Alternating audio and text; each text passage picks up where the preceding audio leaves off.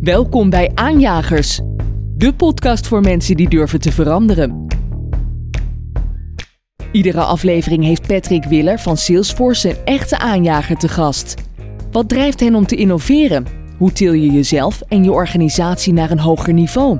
In deze podcast vertellen we je hoe je aan de slag kunt om een aanjager te worden. Ja, wat mij eh, de afgelopen jaren het meest gegrepen heeft en nog steeds wel eh, grijpt, is quantum.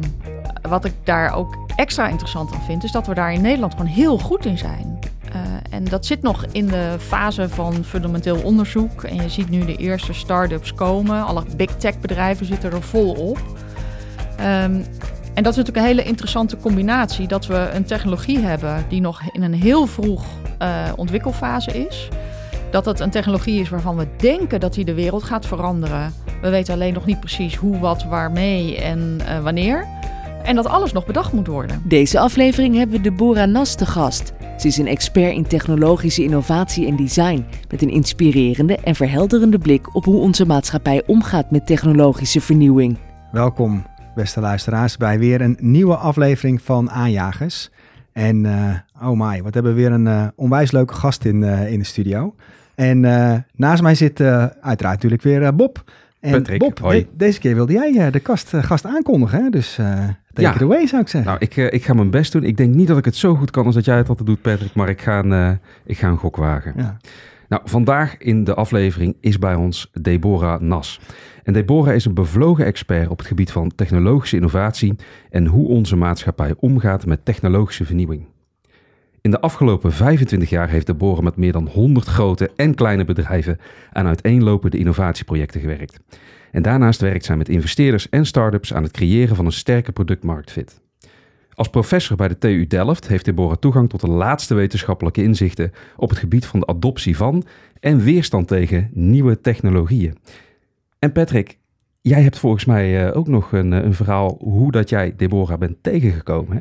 Ja, dat klopt. Want ik heb eh, Deborah voor het eerst een presentatie zien geven op eh, de Amsterdam Business Forum. Eh, een redelijk uniek evenement in Nederland, groot evenement. georganiseerd door Denkproducties. Dat is al meteen een tip voor de luisteraars. Als je een kans hebt om een keer naar zo'n productie te gaan van Denkproducties, zeker doen. Dat is de moeite waard. En ik kwam daar eigenlijk voor Yuval Noah Harari. Prachtige denker, mooie boeken geschreven. En ik wilde hem een keer live zien. Maar het is een groot evenement. Er waren veel verschillende sprekers. En een van die sprekers eh, is eh, Deborah Nas. Die, zat, eh, die deed de openingspresentatie zelf. En wat ik echt heel erg mooi vond aan wat je daar deed, is je, je kon heel goed verankeren dat alle technologische ontwikkelingen door de tijd allemaal een bepaalde weerstand hebben gekend. En dat maakte je ook heel duidelijk. En dat zette me heel erg aan het denken. Eh, toen zijn we met elkaar in contact eh, gekomen en eh, ik heb je boek ook gelezen. Ehm, daar gaan we het ook vandaag over hebben. Deborah heeft een boek geschreven dat heet Design Things That Make Sense.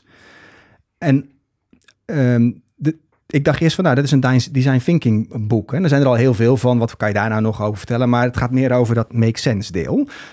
Wat zijn nou de voordelen en wat zijn de weerstanden?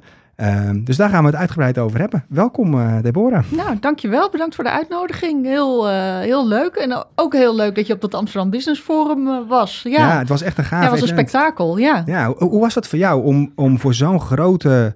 Ja, dus hoeveel mensen waren daar? Meer dan duizend? Ja. Echt een enorme Ja. zaal. De AFAS was het, helemaal vol. Om daar zo'n, ja, eigenlijk een soort van TED-talk te doen, maar dan voor een enorm publiek. Ja. ja, dat was heel leuk. Ja, het is zeker zo'n opening keynote is altijd wel iets eh, spannender, omdat je daar toch een beetje de toon van zo'n event zet.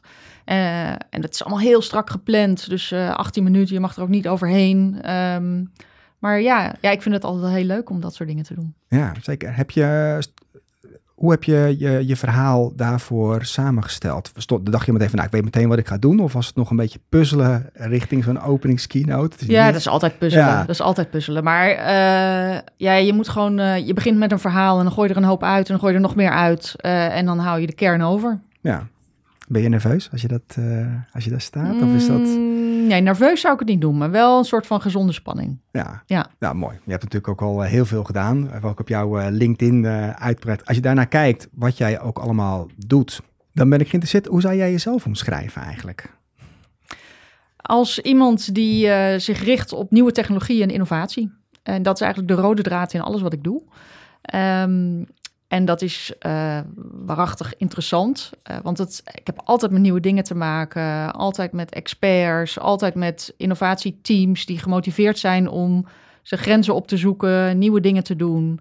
Um, en uh, ja, daarmee eigenlijk ook altijd bezig om de toekomst een klein beetje vorm te geven. En dat maakt het wel heel erg interessant en ook heel erg spannend. Ja, en als je nou kijkt naar al die uh, rollen die je hebt, zie je wel, uh, nou reef ik nog even naar je LinkedIn, dat je bovenaan staat wel dat je jezelf self-employed en keynote speaker voor ja. de afgelopen vier jaar. Uh, en daarvoor heb je heel veel verschillende dingen. Heb je een bewuste keuze gemaakt om jezelf op die manier in de markt te zetten als keynote speaker, thought leader? Ja, dat heb ik een paar jaar geleden, uh, die switch heb ik eigenlijk gemaakt. Dus ik heb altijd in technologie en innovatie gewerkt. Ben begonnen bij het oude Philips Research, toen dat nog uh, bestond, NatLab. Um, en uh, een jaar of zes bij KPN gezeten in innovatie. 16 jaar een innovatiebureau gehad. een boutiquebureau, dus we waren altijd met z'n tienen. En daar hielpen we de grote bedrijven en de internationale merken... met het bedenken van nieuwe producten, nieuwe diensten, innovatiestrategieën. En daar ben ik in 2018 mee gestopt. En toen, uh, ja, toen heb ik eigenlijk de keuze gemaakt van, nou, ik ga zelfstandig verder. Uh, en ik moet eerlijk zeggen, vind ik heerlijk. Geen ja. personeel. Um, en ik, ja, ik heb de luxe, gelukkig, dat ik uh, kan kiezen tussen verschillende activiteiten. Dus ik kan gewoon de dingen doen die ik echt leuk vind. En waar ik zelf ook veel van leer en uh, die mezelf inspireren. Dus ik heb een heel portfolio van werkzaamheden eigenlijk verzameld. En spreken is daar één van. Ja, en één dag per week ben ik wat we noemen deeltijd hoogleraar bij de TU Delft bij Industrieel Ontwerpen. Um, uh, Eén dag per week ben ik ook altijd nog gewoon aan een, uh, werk ik aan een innovatieproject in de praktijk. Om gewoon altijd met mijn poten in de klei te blijven staan. De afgelopen anderhalf jaar is dat een grote scholengemeenschap, uh, de Almeerse scholengroep. 48 scholen. Uh, die hun uh, hele organisatie eigenlijk innovatiever willen maken. En dat is begonnen met allemaal projecten en pilots om technologieën in het onderwijs toe te passen. Ten behoeve van het lerarentekort ja. bijvoorbeeld. Um, Interessant. Wat, uh, en, en wat voor manieren willen ze dat doen? Ja, we hebben toen een van de projecten die we hebben gedaan, is een virtuele omgeving gebouwd samen met een start-up. Um, dus een soort gebouw waar die kinderen doorheen kunnen lopen, al hun lesmateriaal kunnen vinden. Eigenlijk met als experiment kun je met één digijuf, die ook in, die, in dat gebouw rondloopt, kun je dan meerdere klassen bedienen. En uh, hoe werkt dat en wat vinden die kinderen ervan? En uh, heel interessant genoeg was het bijvoorbeeld, uh, werkt het heel goed als die kinderen op school zitten. En dan is er nog een stagiair in de klas die de Chromebooks uitdeelt en en de orde bewaakt, als het ware. Maar in een lockdown, als die kinderen thuis zitten, waarbij je eigenlijk juist zou denken, nou, er zit een ideale oplossing, dan werkt het eigenlijk niet zo goed. Is er veel te veel afleiding? Um, ja, grappig. Dus, dus het is uh, toch thuiswerken onder begeleiding eigenlijk dan ja, uh, wat je dan ja. uh, krijgt, dat het ja. werkt. Ja. ja, en andere pilots die we hebben geprobeerd is, goh, wat gebeurt er als je bijvoorbeeld kinderen in een wiskundeles um, als ze niet weten op welk niveau ze bezig zijn. Kijk, we hebben in Nederland best een raar systeem natuurlijk, of eigenlijk geldt dat voor bijna alle onderwijssystemen, dat je wordt afgerekend op hetgeen je het slechtst kan. Dus als je op de MAVO zit, uh, wil dat niet zeggen dat je misschien niet wiskunde op VWO-niveau zou kunnen doen. Nee. Uh, en als je sterk ondergestimuleerd wordt, ga je ook onderpresteren. Um, dus wat gebeurt er als je het eigenlijk niet meer weet? En het is een digitaal systeem, je gaat automatisch een niveau omhoog of omlaag uh, als je het goed of slecht maakt. Um, wat gebeurt er dan? Nou, dat werkt dan voor sommige kinderen heel goed. Die gaan veel beter presteren. En uh, voor anderen werkt het, werkt het ook weer minder goed. Maar het is heel leerzaam, uh, dat soort projecten. Ook voor, een, voor de school zelf, voor het vormgeven van nieuwe onderwijsconcepten. Ja. En, ja, en ook voor jou als, als innovator om niet alleen maar een high-over advies te geven, maar daadwerkelijk in die projecten te zien en, ja. en echt empirisch te ervaren hoe daarop gereageerd ja. wordt. Dat is, dat, dat is heel belangrijk. Ja, dus ik ja. vind dat super belangrijk om het altijd ook gewoon hands-on te blijven doen. Ja. Ja. ja. En uh, uh, uh, als we het gaan hebben over weerstand, hè, resistance, merk je dan bijvoorbeeld bij docenten of juist bij de leerlingen eh, in zo'n specifiek project bepaalde weerstanden? En, en wat, wat zijn dat dan? Heb je daar ook voorbeelden van? Ja. Um, ja, er zit overal weerstand natuurlijk. Sowieso, als je dingen wil veranderen, dan ervaar je heel veel weerstand. De meeste mensen uh, vinden het toch fijn om te blijven doen uh, op de manier waarop ze dingen deden. Ehm, dus dat nog even los van technologie is dat altijd zo. Uh, op het moment dat technologie erbij komt kijken, dan komen er allemaal nieuwe vraagstukken omhoog. En die komen natuurlijk ergens vandaan. Dat je, hoe zit het met de data? Hoe gaat het met de privacy? Is het niet slecht om. Moet, moet, is, nou, of is nou niet slecht om zo'n computer te gebruiken? Kun je niet veel beter in een schriftje blijven werken? we zitten al zoveel achter een beeldscherm, bijvoorbeeld. Um, ja, allemaal van dat soort vraagstukken. En we zijn geneigd om in zijn algemeenheid om dat nieuwe te vergelijken met dat wat we hebben vandaag. En dan te benoemen wat je kwijtraakt als je in een nieuwe situatie gaat. Dus uh, als je van schrift naar een computer gaat, ja, dan schrijf je niet meer, bijvoorbeeld. en dat is slecht voor je handschrift of voor je moet oefenen met schrijven. Nou, dat is een van die dingen. Maar er wordt eigenlijk niet zo goed gekeken naar wat biedt nou voor die nieuwe situatie voor voordelen? Of die worden vaak ondergewaardeerd. En dat maakt dat we allemaal toch een beetje bezig zijn met behoud van wat we hebben. Ja, ik kan, ik, kan me het heel goed voorstellen. Vaak is het zo dat technologie uh, relatief makkelijk geïmplementeerd kan worden in een bepaalde situatie. Uh, neem het voorbeeld van een stukje software installeren op, uh, op bijvoorbeeld een, een laptop. alleen ehm, hoe gaat het gebruikt worden en wie gaat het gebruiken? En op en wat zijn de eventuele vragen die daarvoor komen? Dus hoe ga je om met het menselijke aspect, eigenlijk de adoptie van bepaalde tools? Waarbij, denk ik, centraal moet staan dat een tool de mens moet helpen en geen belemmering moet, uh, moet zijn in het uitvoeren van een bepaalde uh, taak of het uh, behalen van een bepaalde, bepaald einddoel. Um, dat lijkt mij misschien nog wel het lastigste. Ja. er zijn ook wel eens er zijn een paar voorbeelden van bedrijven die dan nieuwe software ontwikkelen, bijvoorbeeld omdat ze op een heel oud systeem zitten, wat gewoon uh, ja, niet meer mee kan in de huidige tijd, waar je weinig veranderingen kan doorvoeren, die dan het nieuwe systeem bouwen met de oude interface. Ja. Uh, en dat lanceert, dan zijn de veranderingen eigenlijk heel klein ten opzichte van het oude systeem. Dat kunnen mensen heel makkelijk accepteren. En als je eenmaal op het nieuwe systeem zit, dan kun je versneld veranderingen gaan doorvoeren. Maar dat wel stapje voor stapje doen, zodat het voor mensen eigenlijk een hele geleidelijke overgang is. ja. Behapbaar blijft. Behapbaar blijft, ja. En zeker als, het, als je het hebt over interne applicaties of zo, dan is dat natuurlijk hartstikke belangrijk. En hoe kies jij um, voor jezelf met welke uh, technologische ontwikkelingen uh, waar jij je focus op gaat leggen? Of waar jij misschien wel uh, iets in ziet. En ik weet dan niet precies wat dat iets dan is. Ja, soms heb je van die dingen die je gewoon grijpen. Tenminste, dat heb ik. Ik weet niet of heb jij dat ook? ja, ja, zeker. Ja. En dat, ja, maar ik weet gewoon niet wat het is. Het is een soort, een soort vlammetje. Maar ja. ik, ik heb het nog niet kunnen benoemen voor mezelf. Nee. Nou, een stukje nieuwsgierigheid naar het verkennen van nieuwe grenzen, wat er mogelijk is, dat is, uh, dat, dat, dat, daar ga ik altijd op aan, zou ik maar zeggen. Iets heel nieuws is bij, per definitie voor mij heel interessant. Ja. Ik heb ook niet zoveel last van in jouw boek die weerstanden, die begrijp ik heel goed. Maar voor mij, omdat ik ook een innovator ben en altijd geïnteresseerd ben in nieuwe tech, interesseren mij die niet zo. Ik zie eerder snel die voordelen. Daar ga ik helemaal op aan, zou ik zeggen. En later komen pas andere mensen die vaak tegen mij zeggen van... oh, is dat wel... Uh, is je data wel veilig? Oh, nog niet echt bij stilgestaan, zou ik maar zeggen. Dan ga ik dan best wel een beetje blind in. Voor die liefde, dat vlammetje van die, van die nieuwe tech. Ja, ja. ja dus uh, ja, wat mij uh, de afgelopen jaren het meest gegrepen heeft... en nog steeds wel grijpt, is quantum. ik vind dat reuze interessant. En wat ik daar ook extra interessant aan vind, is dat we daar in Nederland gewoon heel goed in zijn.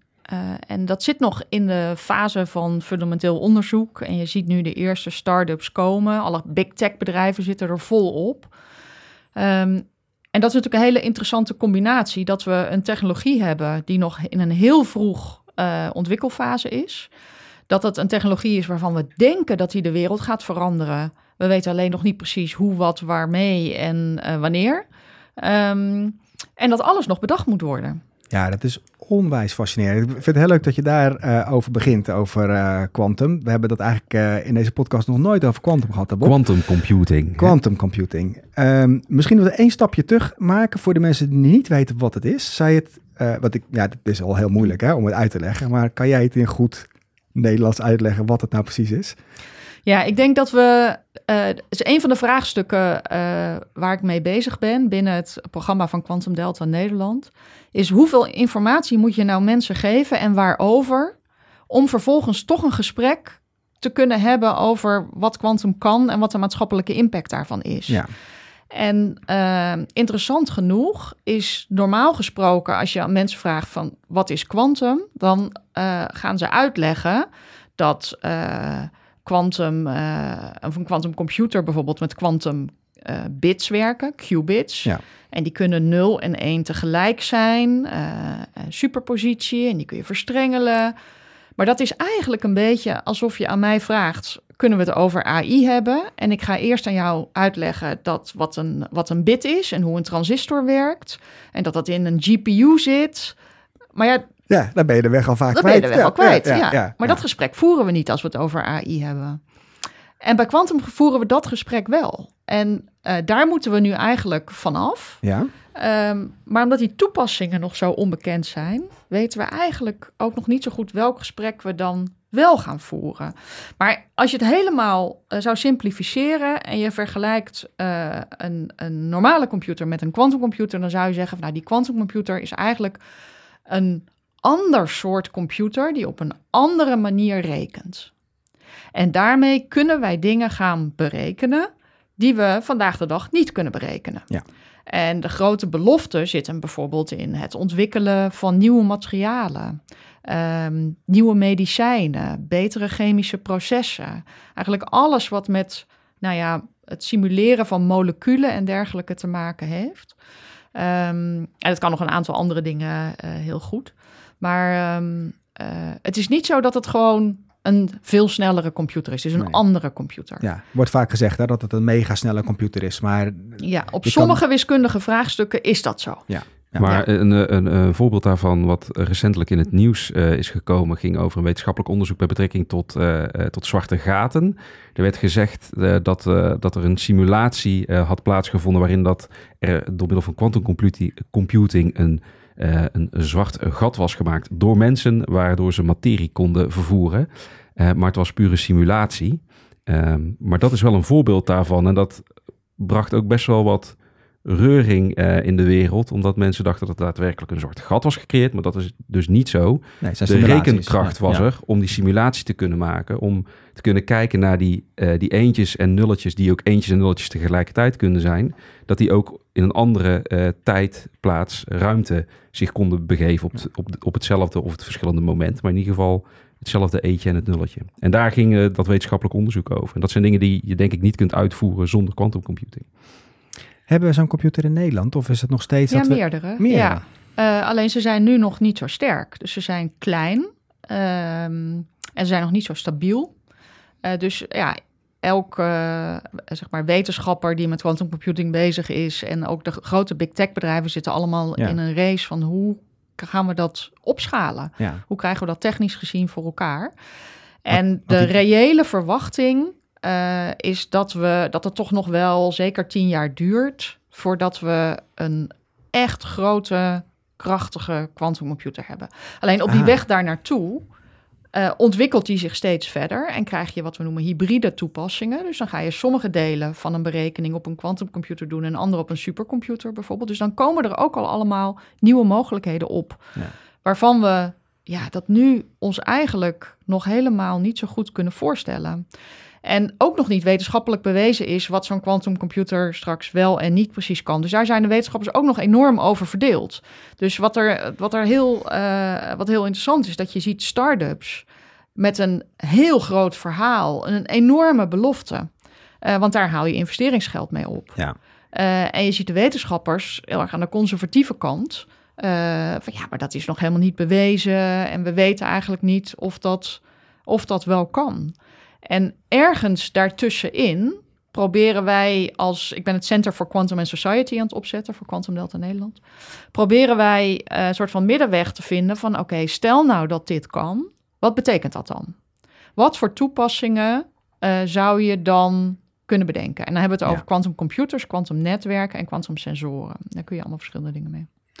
Ja, toen we denken wat je ook schrijft in je boek, uh, dat je een goede balans moet zoeken tussen technology-based en consumer-based, Ja. basically. En hier zie je een mooi voorbeeld van dat de technology gewoon allemaal doorontwikkeld wordt. En je geeft Ja. al aan van ja, maar wat zijn dan de use cases en hoe zorgen dat dat op een goede manier Ja. een maatschappelijk belang eigenlijk dient? Ja, en wij kijken dan vooral naar de ethische, juridische en maatschappelijke vraagstukken die daarbij kunnen komen kijken. Om eigenlijk te voorkomen wat we met AI hebben laten gebeuren. Hè, dat het overal was in de maatschappij.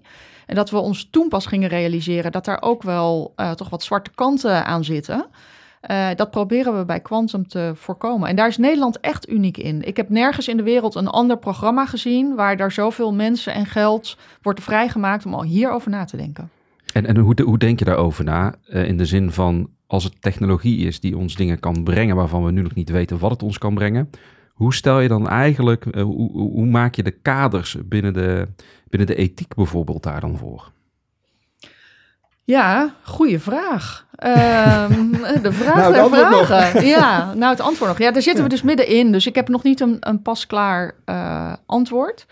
Ehm, maar eh, we gaan onder andere tools en methodologieën ontwikkelen. De eerste, die wordt in het eh, eerste kwartaal eh, vrijgegeven. En eh, dat is een soort checklist. Als je al een idee hebt wat je met die technologie wil... dat je wordt geholpen om over die ethische, juridische, maatschappelijke richtingen na te denken.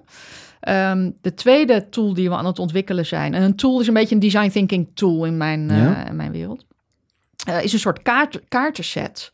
eh, waarbij je steeds een combinatie van drie kaarten trekt. En de een staat een toepassing op, bijvoorbeeld eh, het modelleren eh, van of risicomodellen. Mhm.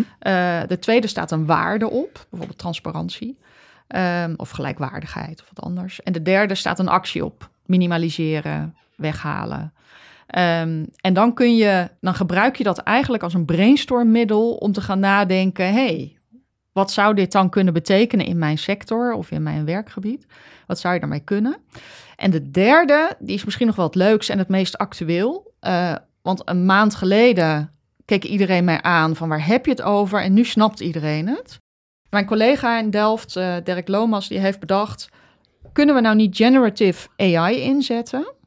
Dus de, de chat-GPT-achtige tools... Ja.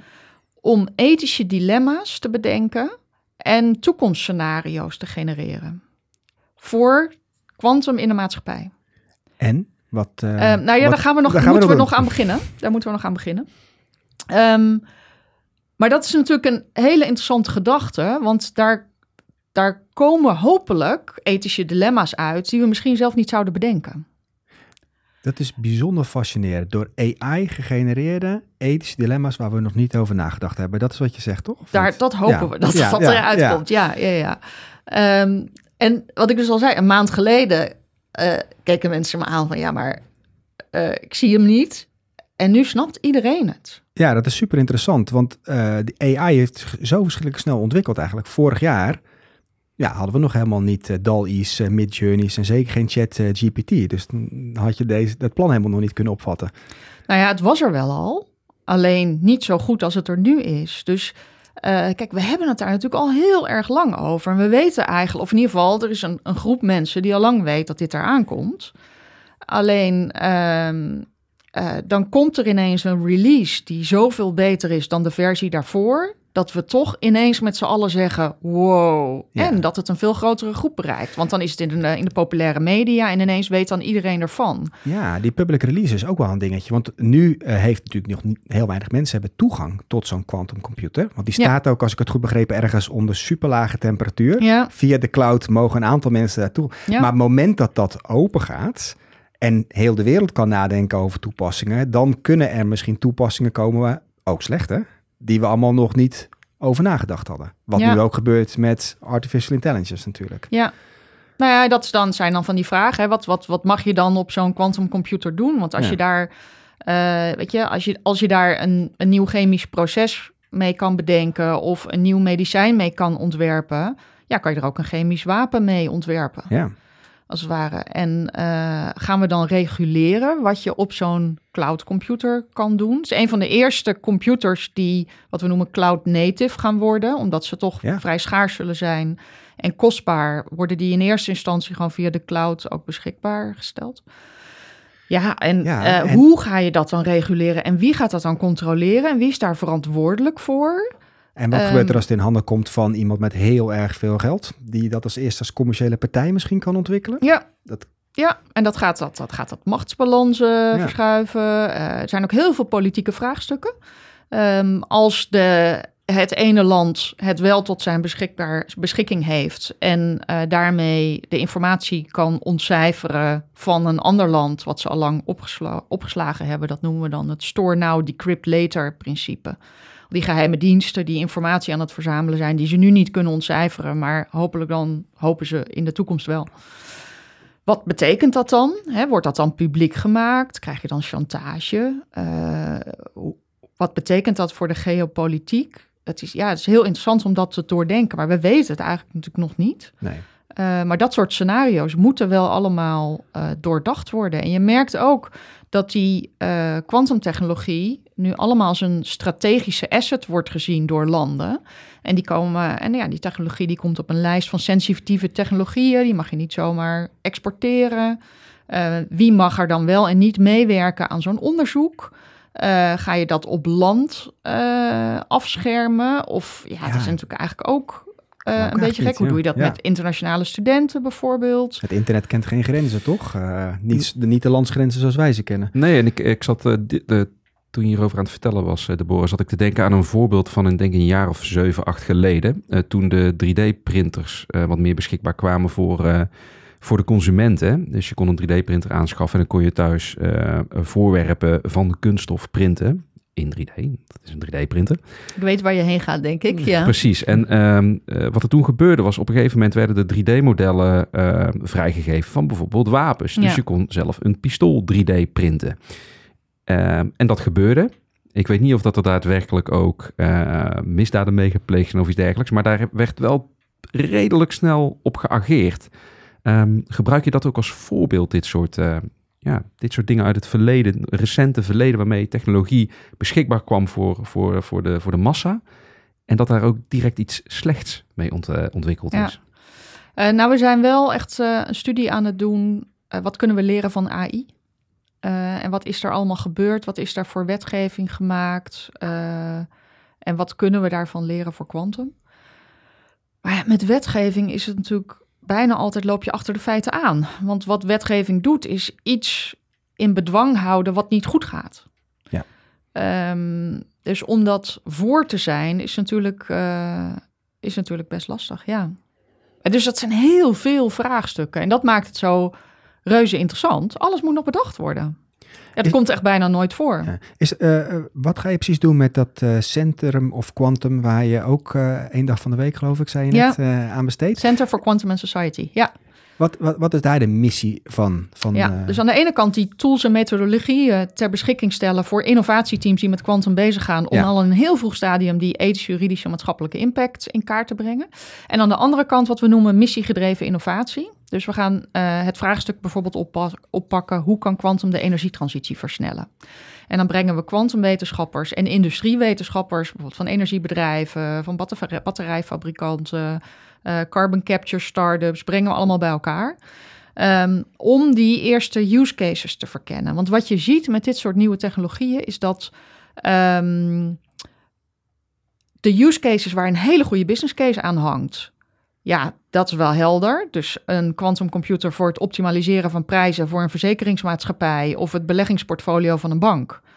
Dat gaat wel gebeuren. Ja. Maar die use cases die je eigenlijk zou willen voor maatschappelijke impact, eh, bijvoorbeeld CO2-footprint verlagen, eh, betere batterijen of eh, energiesystemen optimaliseren, daar heb je vaak met publieke en private stakeholders te maken. Daar liggen de kosten en baten op verschillende, op verschillende plekken. Daar moet vaak eerst nog publiek geld in. Die zijn moeilijker van de grond te krijgen. Dus wij gaan eigenlijk dat trachten om dat te stimuleren. Ja. Ja. En is, is er dan ook een lijntje naar de overheid om die dan bijvoorbeeld te adviseren over wetgeving, wat we het net over hadden? ja, dat- zeker. Ja, ja. ja. ja, absoluut. Maar ik kan me ook voorstellen dat juist de commerciële toepassingen voor bijvoorbeeld ver- verzekeraars, ondanks dat quantum computing daar ehm, de, de taken kan het uitvoeren, maar daar is het ja, eigenlijk te simplistisch nog om die taken uit te voeren, omdat het veel meer kan.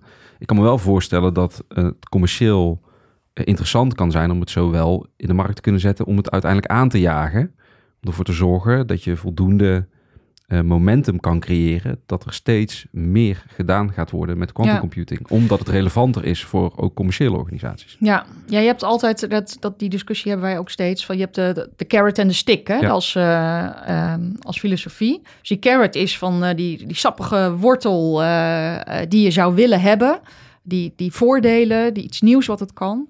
En die stick is van ja, als je het niet doet, dan doet het pijn. Ja. Ehm, en op dit moment is die stick vooral eh, de bedreiging dat een quantumcomputer onze digitale beveiliging kan kraken. Ehm, en dat kan misschien nog tien jaar duren.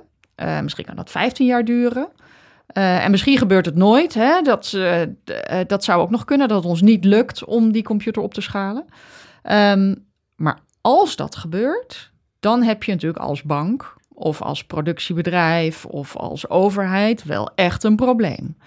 En eh, heel veel van die grote traditionele eh, organisaties die over tijd maar IT-systeem op patch, op systeem, alles aan elkaar gekoppeld hebben. Ja, die hebben wel tien jaar nodig om een hele infrastructuur te gaan upgraden. En om een hele eh, cybersecurity, zeg maar, in orde te maken, of cryptografie in orde te maken. Ehm, dus ja, die moeten eigenlijk nu beginnen. Maar de standaarden zijn er nog niet. We zitten nog in het proces van het zetten van de nieuwe standaarden die dan quantum-proof zijn. Dus het zijn allemaal een soort van eh, ja, interessante vraagstukken. De uitdagingen. Ja, Eh, eh, met name als je gaat kijken bijvoorbeeld ook naar de blockchain-technologieën, de cryptocurrency. De, het bankenwezen heeft daar heel laat op gereageerd en eigenlijk heel afwijzend. Want het breekt met, eh, met de traditie waarop zij natuurlijk al jarenlang eh, een bedrijfsvoering eh, hebben opgebouwd. Ja, ik ben heel erg benieuwd of dat juist dit soort traditionele organisaties, die wel heel belangrijk zijn om onze maatschappij eigenlijk draaiende te houden, hoe dat die hierop gaan reageren en wanneer dat de, het eerste instituut gaat beginnen met, met die verandering. Ja, Misschien is het eh, goed om eh, eh, nog even naar een andere trend te gaan. Want ik zag op jouw enorme lijst van alle dingen die je doet ook dat je bezig bent met de, de Hyperloop. Daar had ik ook Ja. al lang niks meer van gehoord eigenlijk. ja. Musk is met hele andere dingen bezig. want dat komt ooit een keer uit, ik, ik koppel het aan Musk. Die is daar ooit mee begonnen toch met het idee? Of, Ja, het, het, je, je ziet het al honderd jaar geleden in science fiction boeken. Ja. Ehm, eh, maar Musk heeft dat wel een enorme push gegeven, omdat hij eh, een beetje gefrustreerd was over het heen en weer reizen tussen LA en San Francisco. En dacht de- dat dus moet, bouw ik bij Hyperloop. dat Ja. moet toch beter kunnen. En toen heeft hij, eh, weet ik het, 50, 55 kantjes volgeschreven met zijn idee, dat publiek gemaakt en gezegd, ik ga het niet doen, maar ik ga wel stimuleren dat mensen erover na gaan denken. En ehm, eh, ik ga daarvoor een studentenwedstrijd organiseren. Eh, ik zet een testbuis in de woestijn neer en studententeams kunnen met hun prototype langskomen. Degene die het hard, snelst gaat, eh, die wint de wedstrijd. Eh, er waren meerdere prijzen, maar... En die eerste wedstrijd werd gewonnen door het Delftse team, het Delftse studententeam. En vier van die jongens hebben toen gedacht, ja, dit heeft zoveel potentie, dit gaan we gewoon doen. Ja. En die zijn hard Hyperloop begonnen. En die zijn dus bezig aan het, ja, aan het ontwikkelen van een Hyperloop systeem. Daar werken bijna 50 mensen nu. Eh, ze hebben net een nieuwe fundingronde opgehaald. En eh, wat heel, heel interessant is, is dat ook Europa dit in hun strategische mobiliteitsplannen heeft opgenomen. Ehm, de eh, Nederlandse overheid investeert erin. Er zitten private investeerders in. En ja, dat gaat, dat gaat wel goed. We gaan een testcentrum bouwen in Groningen. Wat leuk. In Groningen. Waarom Ja. in Groningen? Dat dat daar de grond een beetje instabiel was. Maar eh, ja. ja, nou op zijn als het start daar werkt, dan werkt het overal. Ja, op zijn start-ups hebben, eh, hebben die, eh, die jongens dat heel slim bedacht. Die hadden een stuk land nodig waar je een buis van drie kilometer op kan eh, leggen. En dat is lastig te vinden. En toen hebben ze bedacht van nou, we maken er een wedstrijd van. En provincies kunnen zich inschrijven. Ehm, en Groningen heeft gewonnen. Ja, super slim. Ja, Ja. ja. en, het, en het vraagstuk is natuurlijk eh, transportatie. En ik denk dat dat een hot item is op dit moment in de wereld. Als je ook kijkt wat er gebeurt bijvoorbeeld in de automobiele industrie of überhaupt in de transportindustrie. En in jouw boek staat ook het voorbeeld van de Lightyear One. Dat is een, eh, eh, een, een auto die eh, ontwikkeld eh, is op dit moment al, mag ik zeggen. Met een volledig eh, zonnepanelen dak, een hele lage luchtweerstand. Ehm, Eh, en die zonnepanelen laden uiteraard de accu's op van deze eh, elektrische wagen. En ook daar zien we nu natuurlijk dat het de elektrische auto een eh, commodity aan het worden is. Hè. Dus mensen gebruiken het. Het, het is redelijk wel geïntegreerd hier in Nederland. Ja. Alleen de volgende stap is natuurlijk hoe gaan we het elektrisch netwerk eigenlijk klaarmaken voor nog meer ehm, eh, elektrische vormen van transport. Of gaan we kijken naar waterstof. Dus het transportatievraagstuk is natuurlijk ontzettend interessant. Hoe kijk jij naar bijvoorbeeld de ontwikkeling van die, eh, van die elektrische auto's of die waterstofwagens of de vrachtwagens van Elon Musk, hè, die binnenkort volgens mij de weg op gaan? Nou, als ik over een jaar terugkom, kan ik je daar van alles over vertellen, denk ik. Want ik ga vanaf januari het mobiliteitsteam coördineren bij de TU Delft. Ehm, en dan... Wist je dat, Bob? Want dat is alweer weer een spontaan vraag die jij hier stelt. vraag. Nee, ik, ja. voel, ik, voel dit, eh, ik Oh. voel het aan, maar ik hoorde, ik hoorde TU Delft en ik dacht direct eigenlijk aan de zonnewagens natuurlijk, die ook eh, altijd Ja. meedoen Ja, in ja, ja, verschillende ja. races. Ja. Dus sorry, ik wat, kon wij, niet wat we ja. gaan doen in Delft is eh, ehm, van elke faculteit twee eh, hele goede mobiliteitsonderzoekers samen in één team. En eh, ik mag dat team eh, coördineren. Eh, om gezamenlijk eh, toekomstscenario's te ontwikkelen. Hoe zien we het nou eh, zich ontwikkelen? Of wat, wat zijn de mogelijke routes, assen waar langs het zich ontwikkelt? En wat betekent dat ook voor nou, het onderzoek wat we zouden moeten doen op de, of al doen op de universiteit? Maar ook, goh, welke nieuwe dingen moeten daarbij? Hoe kunnen we beter samenwerken met publieke en private partijen? Ehm, dus eh, daar ga ik nog mee starten. Ik, volg, ik weet natuurlijk de een en ander van mobiliteit en ik volg dat al lang en ik doe daar wel meerdere dingen in.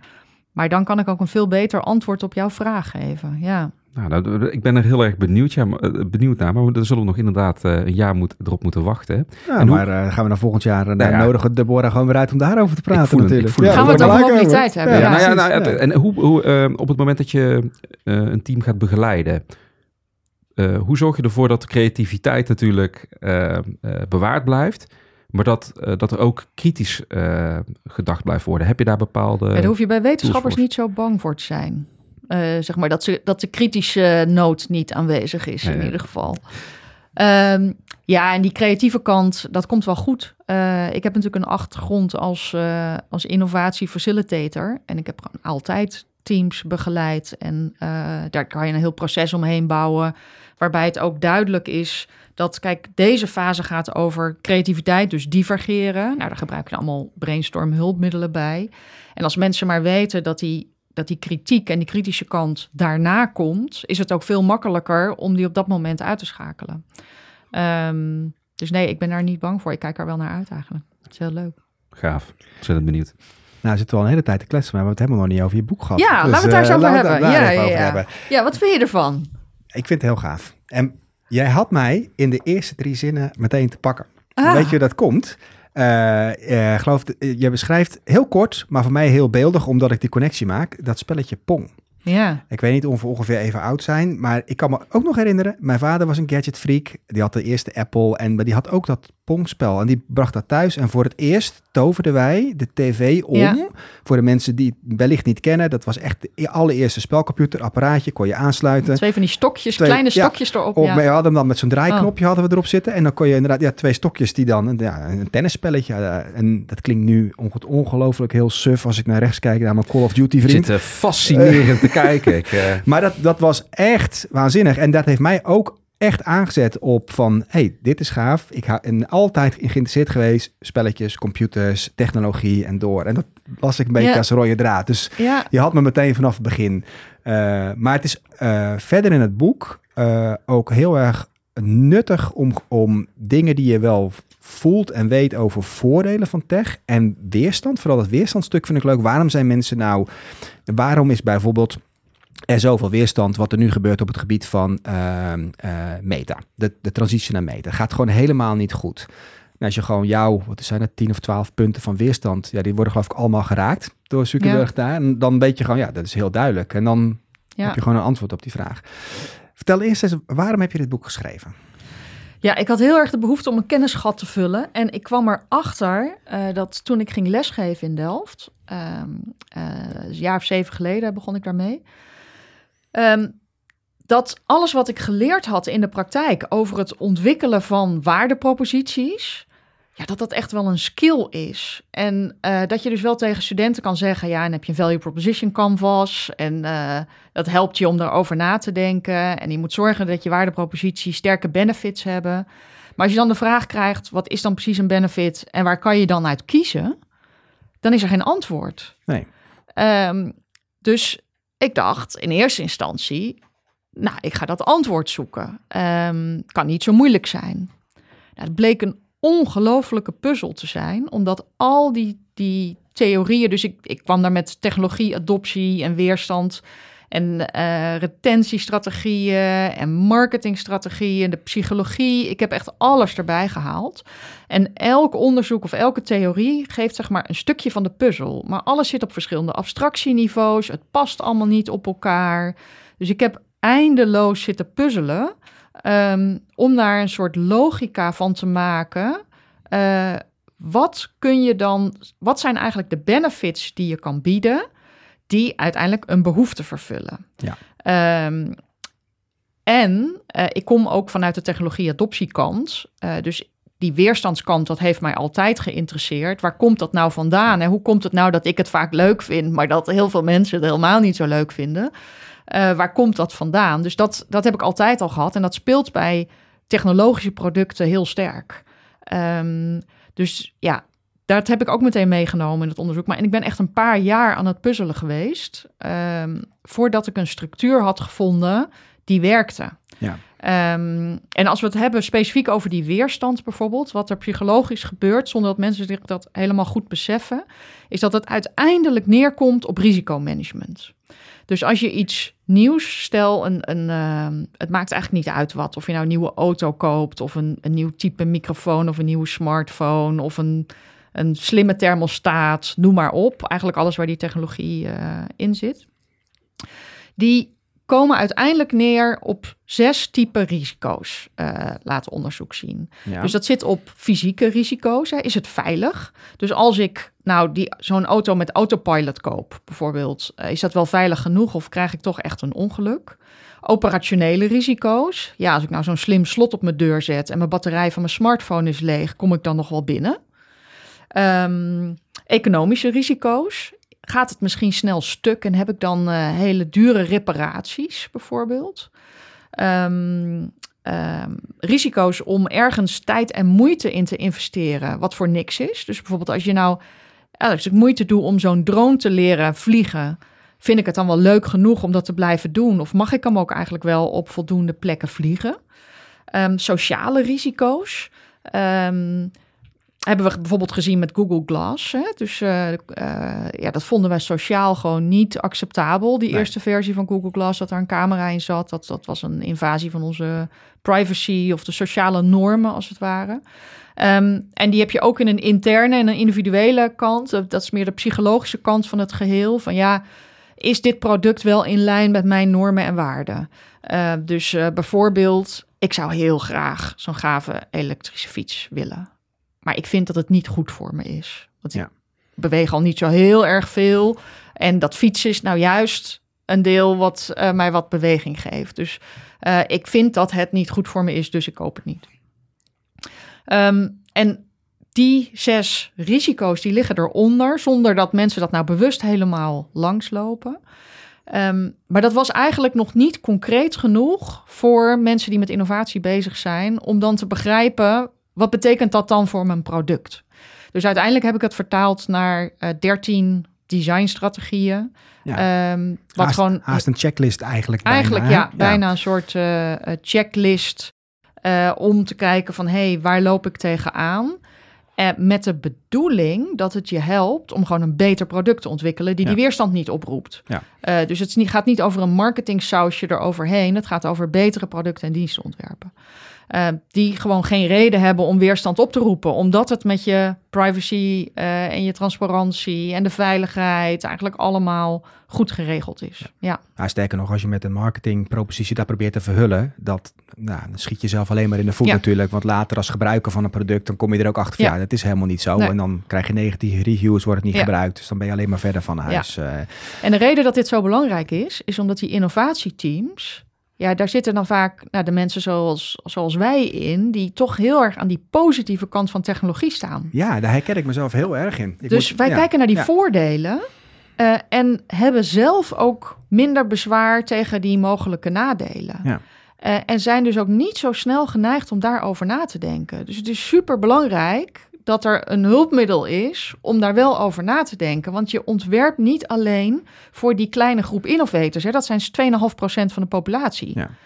Ehm, en heel veel producten en diensten die falen dus. 70% van de tech-startups die faalt. Of ze gaan failliet, of het worden wat we noemen zombies. Ze kunnen zichzelf net bedrijven, druipen, maar het wordt nooit een succes. En als je naar consumentenelektronica kijkt, dan is het zelfs 97%. Ja, kan nagaan. Ja. En dat komt uit de CB Insights eh, analyses, die doen van die postmortems, wat altijd heel interessant is. Ehm, dus ja, er is zoveel te winnen door in dat ontwikkelproces er beter over na te denken. Over hoe kun je nou meer waarde bieden door die benefits te versterken. En hoe kun je je product zo ontwerpen dat er minder weerstand opgewekt wordt. Wat, wat ik heel leuk vind in het boek is dat je eigenlijk bij elke weerstand ook eh, bepaalde merken noemt. En dan vertelt, nou, dit is typisch iets wat dit merk doet en dat merk. Heb je daar nog een paar leuke voorbeelden van die je kan, eh, kan noemen?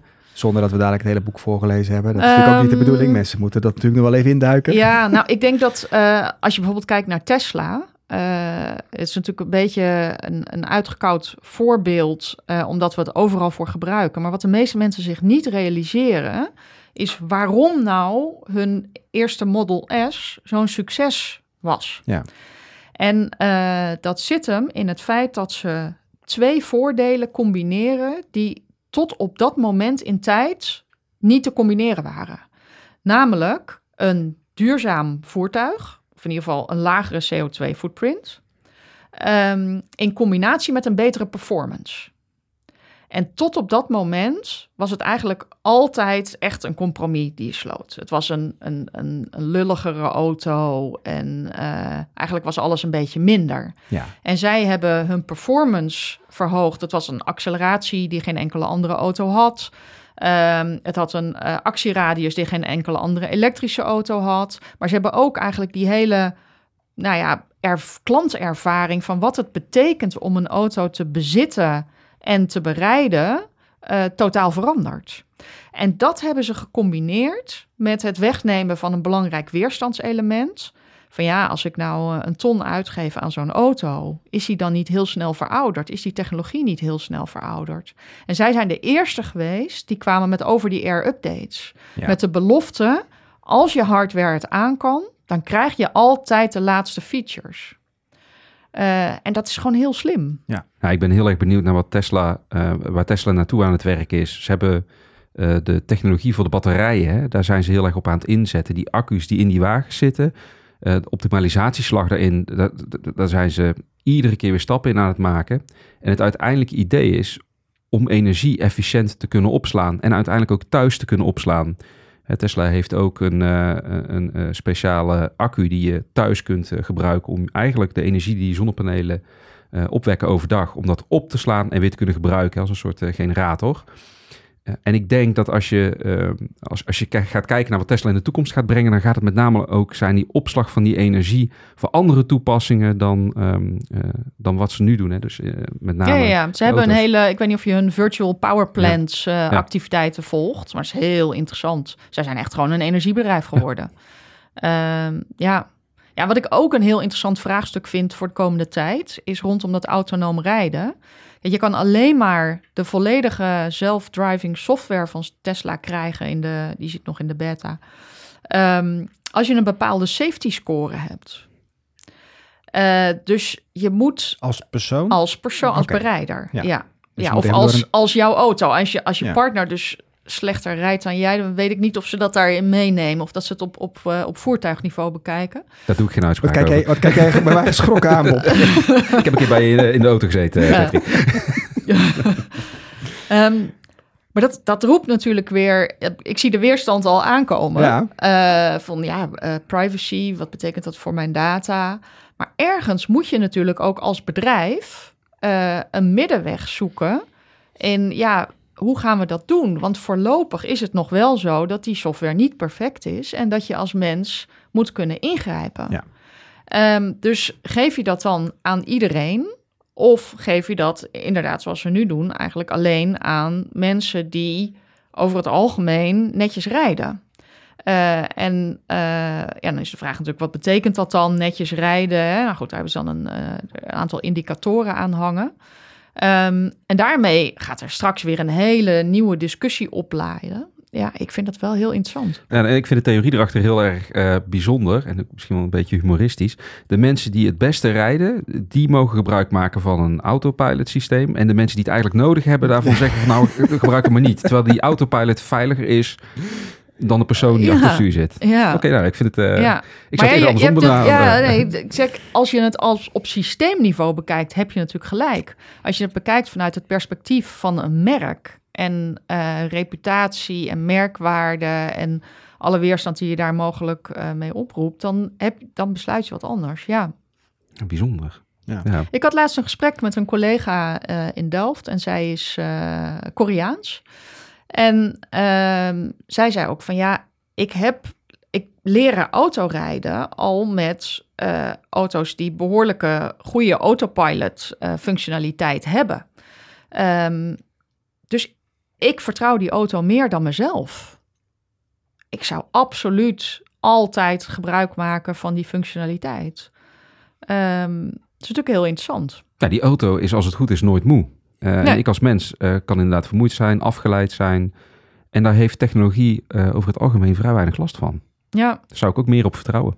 maar goed, die heeft dan misschien wel nu nog in ieder geval last van wat andere dingen. Ja, ik heb hem op de snelweg altijd aan. Ja. Wat is er eigenlijk gebeurd nadat je je boek hebt eh, uitgegeven? Wat, eh, wat, ehm, heb je veel tractie gekregen? Zijn je masterclasses veranderd? Wat, eh, wat gebeurt Nou, er? eh, het viel nogal tegen, dat boek schrijven. Eh, het was een enorme bevalling.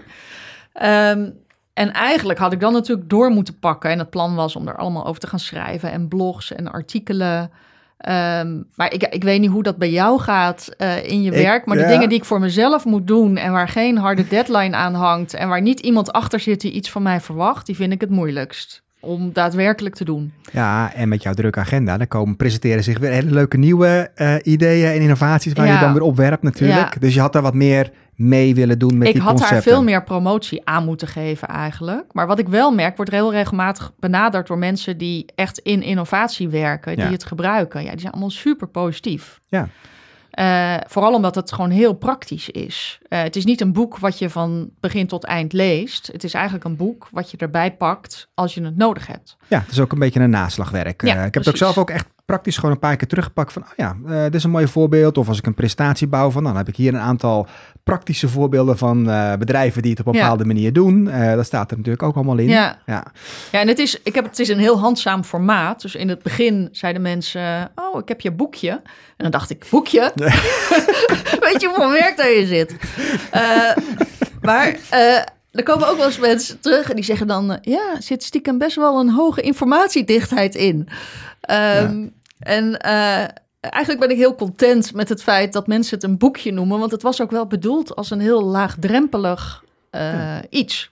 Wat je er makkelijk bij pakt. En, eh, dus ja, ik ben heel happy dat, het, dat, dat de mensen die het gebruiken, dat die daar heel blij mee zijn. Dat het heel veel waarde creëert. Ik heb nog steeds wel in mijn achterhoofd van ja, ik, ik, ik moet er meer over schrijven en eh, meer case studies. Want ik heb natuurlijk veel meer nog dan er in Ja. dat boek Ja, staat. ik, vond het, Ja. ik, vond het een, eh, ik vond het heel prettig om te lezen. Ik heb ook eh, ontzettend moeten lachen om eh, bepaalde eh, quotes en ook om ehm, ja, producten die gewoon niet gelukt zijn, mislukt zijn.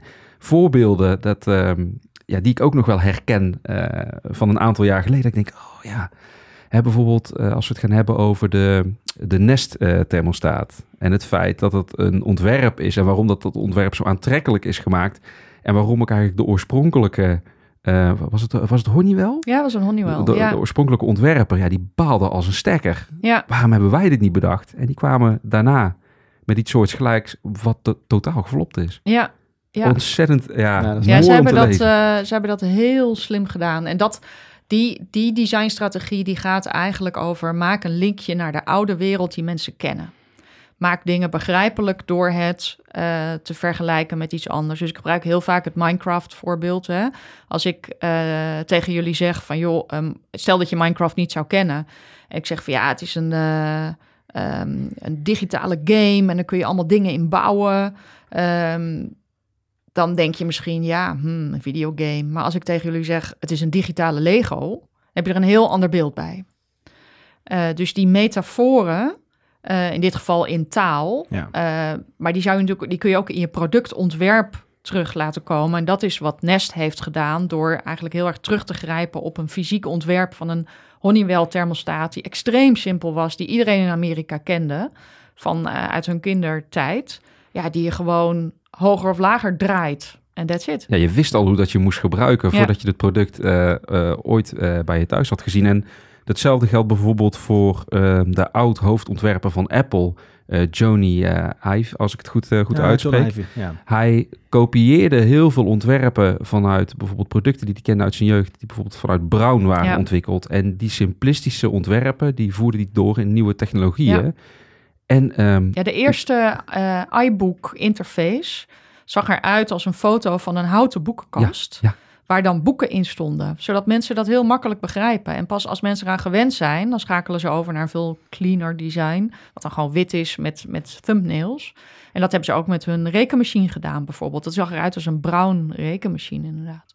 En dat, dat wekt dus direct eigenlijk het gevoel op van ik durf het te gebruiken. Ja. Ja, mooi om, te, om terug te lezen ook in het boek. hey Deborah, waar ik ook eh, nieuwsgierig naar ben, het is ongelooflijk waar jij allemaal eh, mee bezig bent en, en wat je allemaal bijhoudt en verstand van hebt. Wat is jouw geheim slash dagelijkse structuur om dat allemaal te bolwerken? Hoe doe je dat? Hmm. Ja, ik ben wel een beetje een workaholic. Ehm, en ehm, ik start mijn dag de, altijd wel met een half uur tot drie kwartier eh, voorbeelden, het nieuws, technieuws Ja. bekijken. Dus ik volg meerdere nieuwsbrieven, websites, van alles en nog wat. En alles wat ik interessant vind, dat gaat in mijn second brain. Eh, Ik weet niet of je de second brain movement volgt, maar dat vind je dan misschien ook wel heel leuk. Eh, dat gaat eigenlijk over hoe creëer je een externe structuur waar je alle informatie in opslaat, zodat je het makkelijk kan terugvinden. Ja. Echt een second brain, als het ware. Ehm, En is dat een app of een boek? daar kan een- je verschillende systemen voor gebruiken. Ik gebruik Obsidian. Ja. Ehm, en daar stop ik al die informatie in. En bij die second brain movement hoort eigenlijk ook dat je, je slaat daar informatie in op. En je moet die informatie daarna dan ook nog processen en daar iets mee doen, daar zelf wat van maken. Ehm, daar moet je tijd voor pakken. Dus dat doe ik op onderwerpen waar dat relevant voor is. Dus bijvoorbeeld op Quantum doe ik dat wel, want daar moet ik ook zelf eh, content eh, genereren en, en eigenlijk al die externe dingen een soort plek geven. Ehm, maar ik doe het ook voor presentaties bijvoorbeeld. Dus ik heb een hele structuur met allemaal alle sectoren. En als ik dan iets leuks voorbij zie komen, een voorbeeld, dan stop ik het daarin. Ehm, en dat is dan mijn eerste plek waar ik start als ik eh, eh, bijvoorbeeld een nieuwe presentatie moet maken over een onderwerp. Ehm, maar als ik bijvoorbeeld een, eh, een boek lees, een e-book bijvoorbeeld, dan alles wat ik highlight gaat daar automatisch in, in dat systeem. Ehm, als ik op het web iets highlight, dan gaat dat automatisch in dat systeem. Dus ik heb, eh, ik heb deze zomer heb ik me ruim een week stuk gebeten op hoe werkt dat? Wat is een second brain? Alle tools uitgeprobeerd en daar mijn eigen mix van gemaakt. Je kan niet iemand anders een second brain kopiëren. Nee, nee. Eh, want ja, jouw brein zit nou eenmaal anders in elkaar dan mijn brein. Ehm, maar dat is wel een enorm hulpmiddel voor mij. Eh, want dat betekent dat ik dingen makkelijk terug kan vinden en kan opslaan. Dus daar begint mijn dag altijd mee. ja. Ehm, en eh, ja, verder in mijn leven loopt alles door elkaar. Want ik, ik, ik heb ook nog, eh, eh, dus we hebben het over Hard Hyperloop gehad. Daar ben ik commissaris. Ik zit bijvoorbeeld ook nog in de investeringscommissie van Innovation Quarter. Dat is de regionale ontwikkelingsmaatschappij van Zuid-Holland. Super interessant, want dan zie je al die tech-startups voorbij komen en hun investeringsvoorstellen. Ehm, eh, En bij mij loopt alles dwars door elkaar heen. Uh, dus het is wel zo dat ik zeg maar van de ene meeting naar de andere wel behoorlijk moet schakelen. Uh, maar ik vind dat ook wel lekker. Um, ja, en ik werk eigenlijk ook wel de avond en de weekenden. En je rust dan? In je boek uh, valt ook een paar keer uh, de meditatie-app Headspace. Ja. Gebruik ja, je hem zelf gewoon, ook? Nou, of, die heb ik gewoon toch weer verlengd. Met het idee dat dat goed zou zijn om die te gebruiken. Um, maar nee, nee, die gebruik ik, uh, die gebruik ik weinig. Ja, ja, rondje hardlopen doet het altijd wel lekker. Um, podcast luisteren. Ja. Rondje wandelen, podcast luisteren.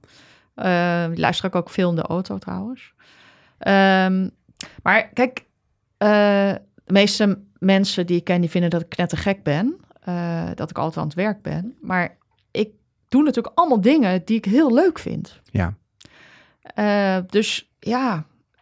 Ja, uh, doe het werk wat je leuk vindt. Dan hoef je geen dag te werken. Hè? Dat uh, had ja. Confucius al uh, 500 jaar voor Christus of zoiets bedacht. Dus daar zit nog steeds heel veel wijsheid in. Ja, ja. dat merk je wel. Want ja. je zit het allemaal stralend te vertellen. Alsof het niks is. Maar het is niet niks. Nee, het is wel heel erg veel.